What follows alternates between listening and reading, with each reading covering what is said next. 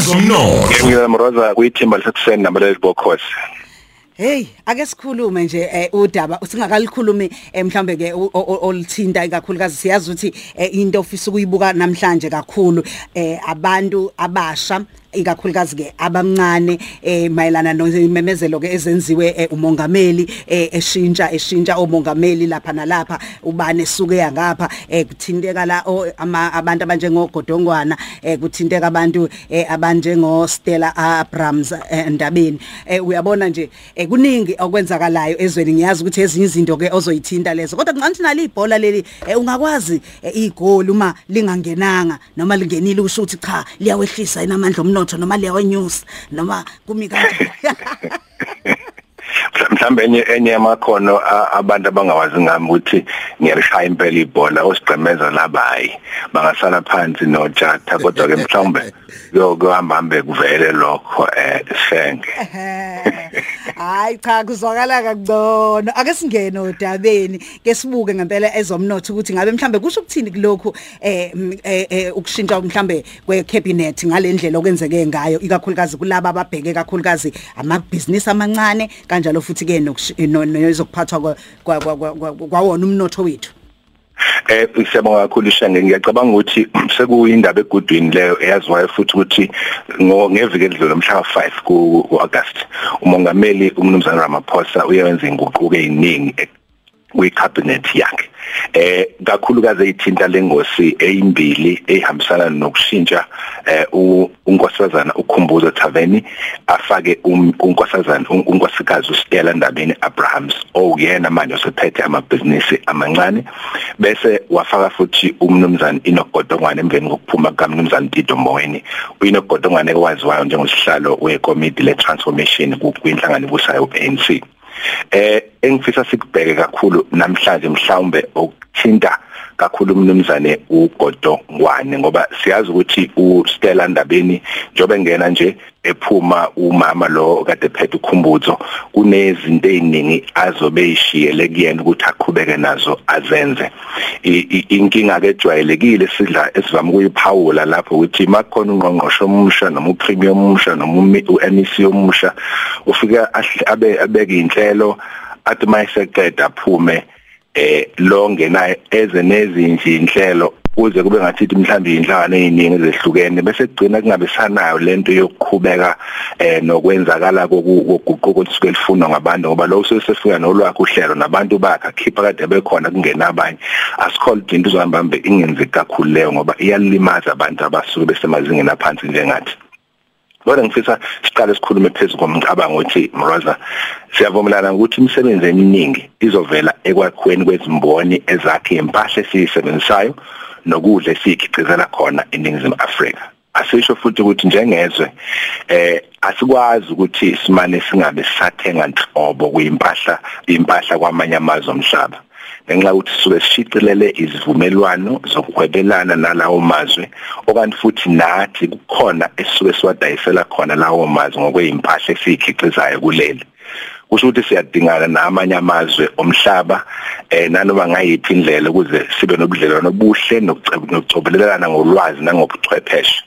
Eh okunye futhi lelozo mhlawumbe lisuke likhiqiza lezo mpahla lisuke likwazi ukukhiqiza lezo mpahla isigabeni mhlambe esingcono kunale kunathi njengokuthi nje amahola abantu abasuke behola asuke emancane kuna kunathi singawanikeza abantu bethu uma sikhiqiza lezi impahla ngaphakathi.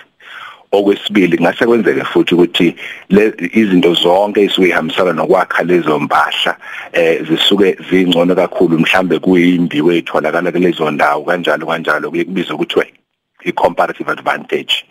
Eh kepha okubi mroza ukuthi simane sencike kakhulu kwamanye amazwe. Cishe ngayo yonke into kumbe sencike kuwo ngokungaphezulu kokufanele kuyizinto ezisuke esisuke sizithenga kuwo lawo mazwe. Ingakho kumele sonke isikhathi sihlale siqaphele ukuthi akubi kuningi ngokweqile esikuthenga kulawo mazwe ngokungenasidingo. Sibe sazi kodwa ukuthi ezinye zalezi zinto esuke siyithenga kulawo mazwe sizokwazi ukuthi sizikhiqize ngaphakathi. Asibuyele kwinkulumo kaNgqongqoshe eh ugodo ugodongwana ozophinda akhulume futhi namhlanje ngokusemthethweni. Uye wathinta ke into ekade sikhuluma ngayo kulamaviki amabili edlule sikhalaza mroza ngodaba lokufuqela imali engango 350 rand kubantu baseningizimu Afrika.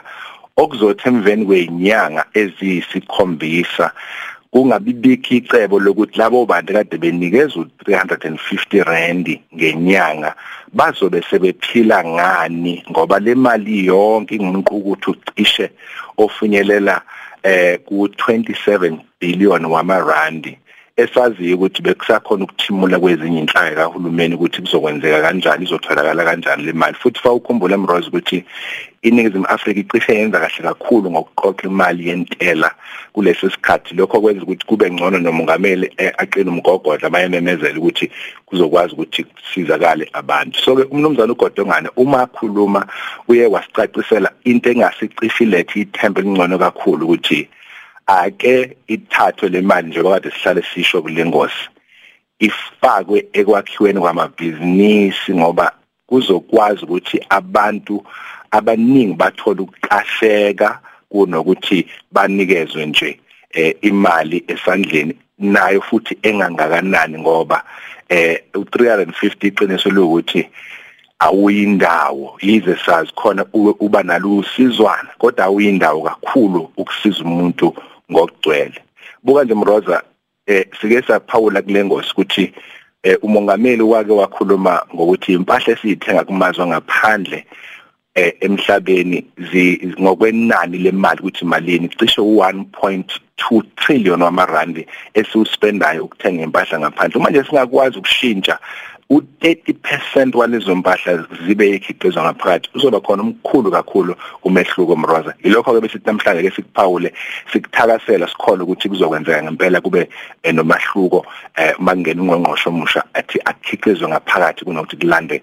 izinto ngaphandle kunikezwe nje nabantu u350 abazuka sustainable kuya phambili. Mm sesivala nje usazositshela ukuthi sikulandele kanjani. Mhlambe elakho nje ongalisho ukuthi eh thina ke njengabantu abasemphakathini eh osomabhizinisi abancane eh abakhona nabantu nje nosaqabanga uluvula ingqondo yethu kufanele ibe njani njengamanje ukuze phela uma ngabe izinto zonke ezihlangana kuthola ukuthi nathi silungele? Asiyilungisele mroza kwesisikhathi sibe sengathi sidaya kakhulu uhulumeni eh kanti asifuna ukufunda amaphepha asuke ebhalwe uhulumeni eh nokuthi sicikekele okulotshwe phansi. Uyabona uma usayina inkontileka lezi zabameli eh izinto ezibhalwe lapha phansi abantu abafuna ukuthatha isikhathi bafunde eh sithatha izithulo zilothulo zethu. Labo somabhizinisi kusuka emakhaya emalokishini njengoba kade ukhumbula ukuthi unkosikazi uThaveni wake wathi kuzoba khona umthetho ozoshaya ukuthi amabhizinisi angaphandle angabe sasebenza noma abantu bangaphandle bangamane bayitamzele ngaphakathi.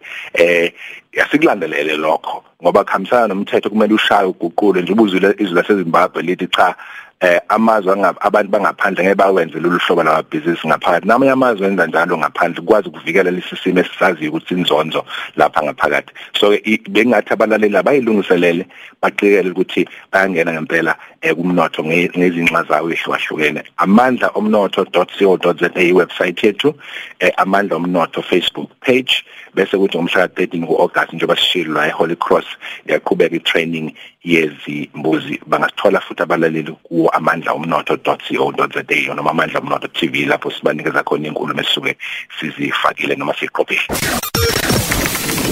Ezomnotho.